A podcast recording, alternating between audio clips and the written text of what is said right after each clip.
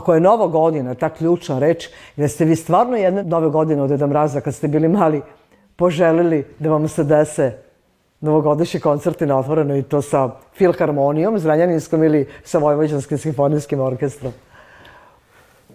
Pa interesantno je to što kada sam počeo da se bavim e, administracijom ili menadžerisanjem kamernog orkestra u Zrenjaninu 2009. E, san mi je bio da Zrenjanin ima filharmoniju. E, aplicirao sam svake godine na svim mogućim konkursima koje, koji su tada bili, koji su i danas. Ministarstvo kulture, pokrajinski sekretarijat, e, grad Zrenjanin, Soko i tako dalje i tako dalje. Svi koji su i danas e, aktuelni konkursi, banke, Naftagas, ne znam, Srbija gas ili šta je sve bilo tada. E, I uvek su to bila sredstva da može da se realizuje jedan koncert. I mi smo tako sa kamernim orkestrom koji je tada imao oko 15 članova e, organizovali da li je to bio novogodišnji koncert jedne godine, pa druge godine to bilo sa mladim talentima u, ne znam, martu mesecu, čak mislim da jedne godine nije bilo novogodišnje koncerta.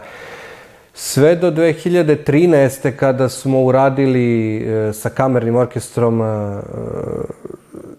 novogodišnji koncert i ja sam se zahvalio jel da svima koji su su podržali projekat i, i, i ovaj koncert i rekao voleo bih da sledeće godine se vidimo na istom mestu, a da tu bude filharmonija. Svi su se smejali, naravno da, da znali su da u Zrenjaninu ne, ne, nema šanse da se to desi. San fronte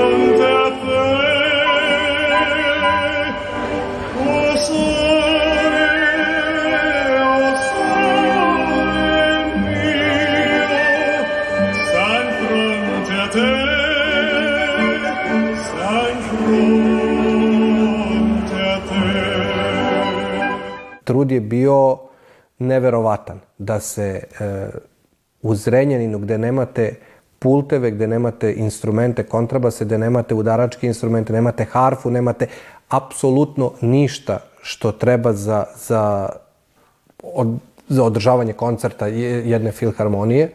I sve to bilo na pozajmicu, na, na drugarstvo, na plaćanje, na, i tako, na, na neke načine koje, koje su tada bili mogući, a da ne vidite ništa da sada imate neki vetar u leđa za to.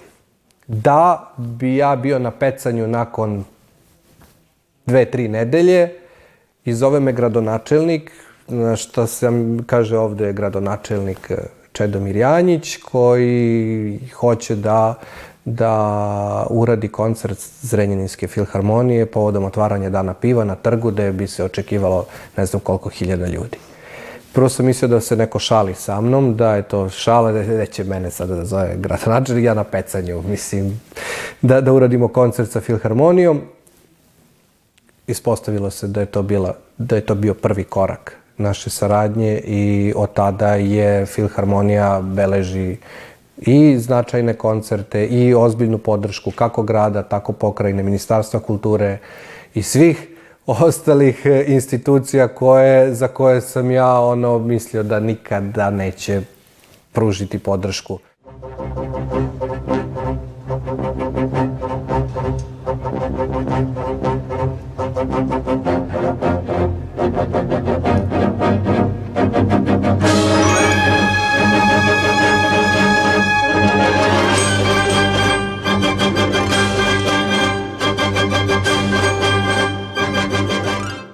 Li je onda ta volja i upornost i doslednost u ostvarivanju ideje ono što je ključ uspeha, pa kako evo i sa Filabrojem, tako i sa Vojvođanim simfonijskim orkestrom? Ja mislim da sam organizovao preko 300 koncerata u karijeri, da sam ih organizovao. Znam svaki koncert koji je program bio. Ako ne znam tačan datum, možda malo pogrešim ali otprilike znam i mo, možda mogu da, da, da kažem i tačan datum. Znači za sve koncerte. Kada je u pitanju e, Rumunski narodni orkestar koji takođe e, ja dirigujem, tamo imamo 1500 aranžmana. E, to mogu sa sigurnošću da vam kažem da svaki od 1500 aranžmana znam ko, na kom festivalu, na kom koncertu je ko pevo, iz kog tonaliteta i, i, i, i ko je napisao aranžman. Znači, što se tih stvari tiče kada je moj posao, ali zato druge stvari nemojte da me pitate jer nemam pojma. Ali kada, kada je moj posao u pitanju ovo što sam ja realizovao, znam sigurno. Znači, to možemo da napravimo kviz da, da, da proveru znanja, jer znam sigurno. E, jer su to sve stvari e, koje sam realizovao e, su realizovane iz velikog entuzijazma i volje da se u Zrenjaninu nešto desi i da se radi i da se e, ljudi iz Zrenjanina imaju mogućnost da uživaju u kvalitetnim koncertima kao i u većim centrima. većim centrima i ne samo u Srbiji, nego u Evropi. Mi smo svirali od baroka do moderne muzike, apsolutno sve epohe gde su sa ponosom mogu da kažem, e, većina koncerata bila ispunjena do poslednjeg mesta u salama.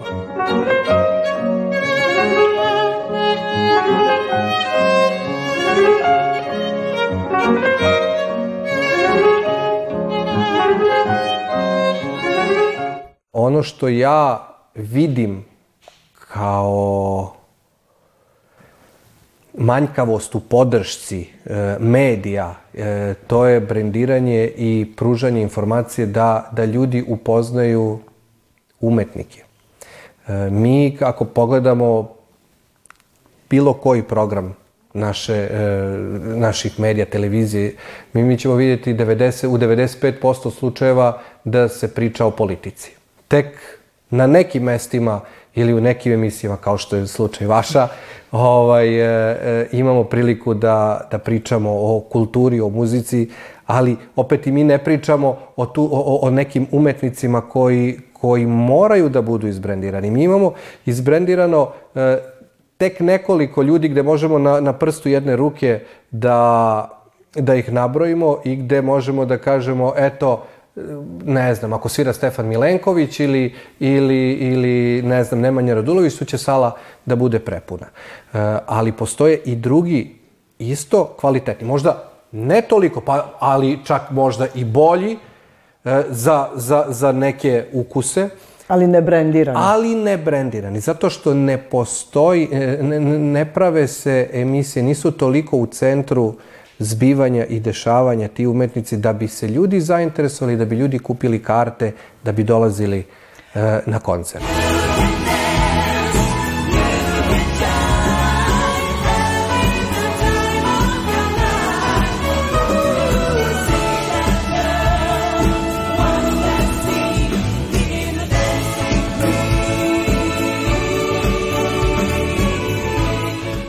Okupili ste i to mi je vrlo zanimljivo. A, I u jednom i u drugom orkestru ljude za koje kada ste ih okupljali, nije glavni preduslov bio da bude vrhunski muzičar, nego vrhunski čovek. Zašto? Pa zato što je mnogo lakše raditi sa dobrim čovekom nego sa vrhunskim muzičarem. ne, ima, ima ovaj... E, e, ne, to ne znači da vrhunski muzičar nije dobar čovjek, je šala. Razumno. Ali e, uglavnom se više postigne sa nekim ko nije e, možda toliko kvalitetan kao muzičar, ali koji je dobar čovjek i koji razume i koji veruje u ideju. E, kao što sam rekao, mi smo krenuli i bez financija i bez podrške, krenuli su ljudi e, da mi veruju. Mm -hmm. I evo do dana današnjeg imam dvadesetak ljudi koji su bili od samog početka i koji mi veruju slepo. I ja se trudim da, da im pružim svaku podršku moguću, ne samo u muzici, gde sam ja njihov direktor, nego ako mogu i u nekom drugom polju da im pomognem, a da imam pristupa za da, da, da pozovem nekog ili da, da zamolim za pomoć, ja to radim. E, zato sam izabrao e, takve ljude jer je posao onda se radi sa puno elana, e, entuzijazam vidite i sa druge strane i onda kada idete na posao i kada radite to što volite, onda je mnogo lakše. Ono što je meni izuzetno bitno za saradnju sa Romanom Bugarom jeste da sam naučila dosta od njega kroz ovih osam godina zajedničke saradnje, da me naučio o tome kako upravo to sa malo možemo puno, e, da je ceo rad sa njim izuzetno dinamičan, i izuzetno e, pun nekih nepredviđenih ovaj, aktivnosti koje se konstantno i iznova pred nama ovaj, nalaze, ali to nas sve dodatno, dodatno, dodatno tera da radimo više i da budemo ovaj, bolji u ome ovaj, što predstavljamo. E, ono što bih izdvojila od nekih kao možda najvećih savjeta koje sam ovaj, dobila od njega kroz saradnju jeste njegova čuvana rečenica hajde probaj da staneš u moje cipele. Toga ja njega gledam kao jednog velikog učitelja e, od koga mogu da izuzetno i mnogo toga da naučim i svakim danom sve više i više učim, pre svega kao čoveka koji je uvek tu da pomogne, da li u toku rada ili van radnog vremena i kao, kao osobu koja, koja tačno zna da predvidi određene situacije i momente na koje ja lično kao organizator treba da vodim računa. Odakle je zapravo počela vaša muzička priča? Ja od detinjstva mi slušamo, u kući se slušala rumunska narodna muzika, pošto je tata bio veliki ljubitelj rumunske muzike. Deda je onako koliko toliko amaterski svirao frulu i ja sam hteo da sviram. U selu tada nije bilo ko da, da, da, da mi da profesionalno da, da, da, idem na časove. E, prijatelj naš, e, profesor Aleksandar Bugar, moj prezimenjak e, isto, on je svirao saksofon i klarinet, pa je došao nekoliko puta kod nas, tata mi je kupio saksofon i ajde, tako smo počeli, on me naučio do nekog nivoa. A onda smo krenuli, ajde da, da krenemo u muzičku školu. To je bilo tada onaj period 90 četvrte, pete, šeste, kada znam da je kupovao e, po dve litre benzina da bi nekako stigao do muzičke škole, do Zrenjanina, da sviram. Išao sam na prijemni ispit za saksofon. Tada nije bilo saksofona položio prijemni ispit i misleći da ću svirati saksofon, gde, a izašla je lista e, sa kandidatima gde, gde su duvački instrumenti, mene nije bilo. Pa je tata nazvao direktora, pa šta nije, nije prošao? Jeste, kako nije prošao? Pa gde Pa primljen na violini. Pa mi smo ga primili jer tamo je trebalo e, učenika, ali njemu ako se to ne bude svidjelo za godinu dana, pošto je svakako mlađi, moći će da upiše saksofon. Znači vi ste potpuno slučajno upisali violine? Totalno slučajno.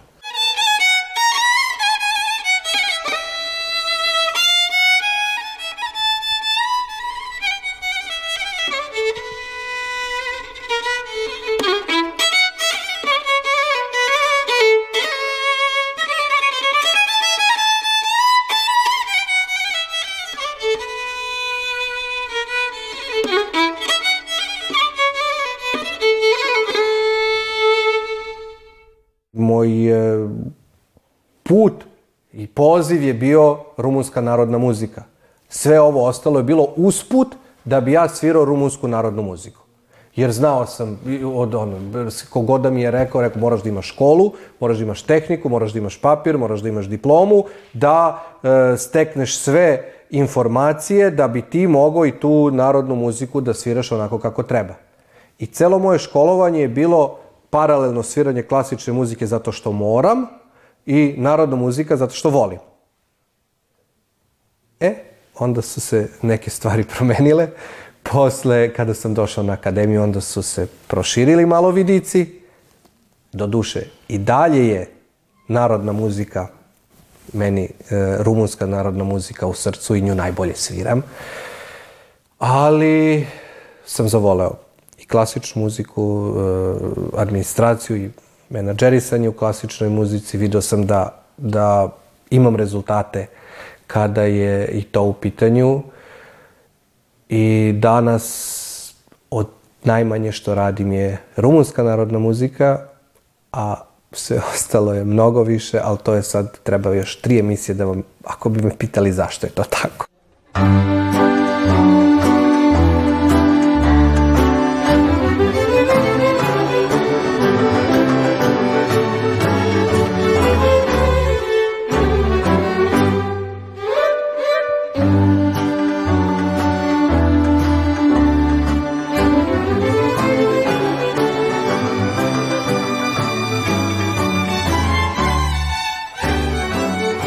Ste iz Ačke. Za one Vojvođane koji nisu bili pozreni, jedno divno mesto sa jednim divnim dvorcem, koji čak ima jednu ozbiljnu istoriju klasične muzike. Odlučili ste da ostanete tamo, što je vrlo zanimljivo. Bilo bi jednostavnije jer putujete po centrima od Beograda do Novog Sada. Vi ste sa svojom porodicom, vaš sin ide u školu koju ste vi, vaš brat išli. Zašto ste odlučili da ostanete i živite na porodičnom imanju?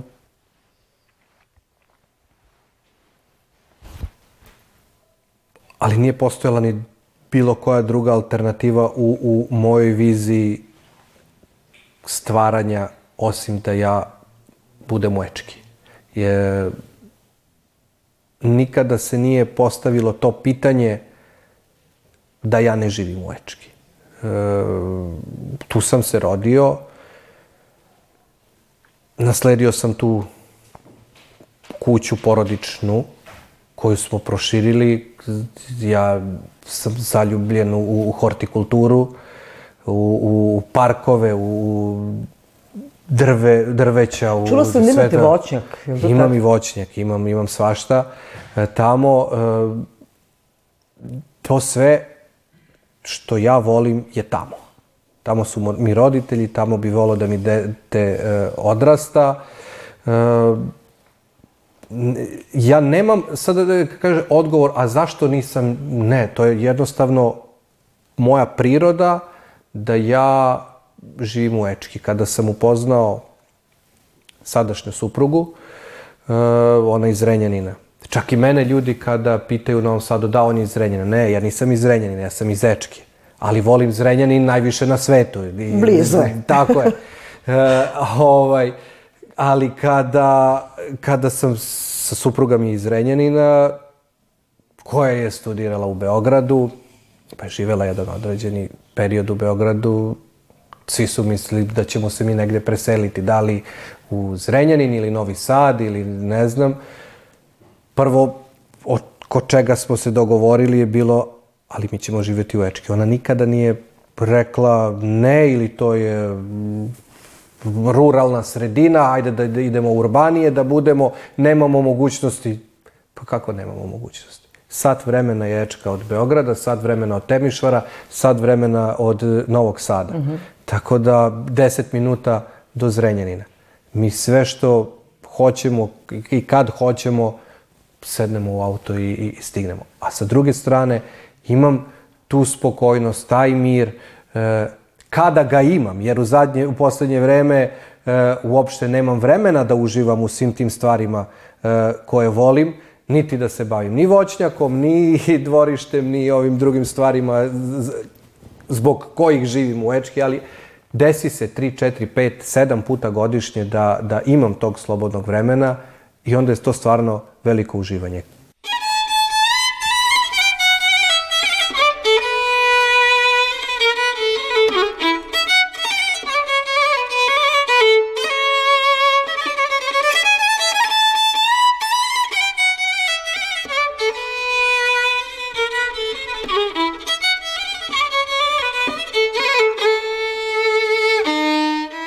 Za mene je svakako jedan od velikih uspeha što posle 40 godina smo doveli Ivu Pogorelića, što smo se dogovorili da je kad je u pitanju njegovo sviranje sa orkestrom, mi imamo ekskluzivu i imamo, imamo prioritet kada je to u pitanju. Znam da je na početku to bilo jako teško, da je to bilo nedostižno, e, ali se čak sada možda i bojim, jer e, kada sam došao na, na funkciju direktora Vojvođanskog simfonijskog orkestra, rekao sam samo da uradim koncert sa Maksimom Vengerovim, pa onda više ne moram ništa da radim. I evo ga koncert 28. decembra i to me onako se pribojavam tog koncerta jer... Pa pazite šta Roman Bugar poželi, to se Da, definitivno da, da, da, ostvaruje. da, da. Vojvođanski simfonijski orkestar su, e, se apsolutno u ovom trenutku e, kotira kao jedan od, možemo slobodno da kažemo, dva najbolja orkestra u našoj zemlji, ali nije zgore reći ni možda u regionu, pošto ja dosta toga pratim, što zbog festivala Novosadske muzičke svečanosti, zbog, zbog uz, ostalih stvari. E, I ono što, što kažu često u sportu, kad je to bio Sergej Bubka, e, svetski šampion u skoku s motkom, e, nikad nije hteo da svetski rekord postavi tako da ga podigne letvicu za neki 10 cm, nego svake godine stepenicu po stepenicu, letvicu po letvicu, odnosno santimetar po santimetar. I mislim da je to Roman e, uspeo u radu Vojvođanskog simfonijskog orkestra. Iz godine u godinu se primet, primećuje napredak, veliki broj izuzetnih umetnika, e, svetski poznatih instrumentalista koji dolazi u naš grad, u našu sredinu. Živimo u vremenu gde ste vi našli taj tajni začin i tajni recept. Meni jedino nije jasno, jer znam o muzičkim školama. Matematika ne postoji kao predmet i znam da ga sigurno niste imali, a doktorirali ste umeđu vremenu.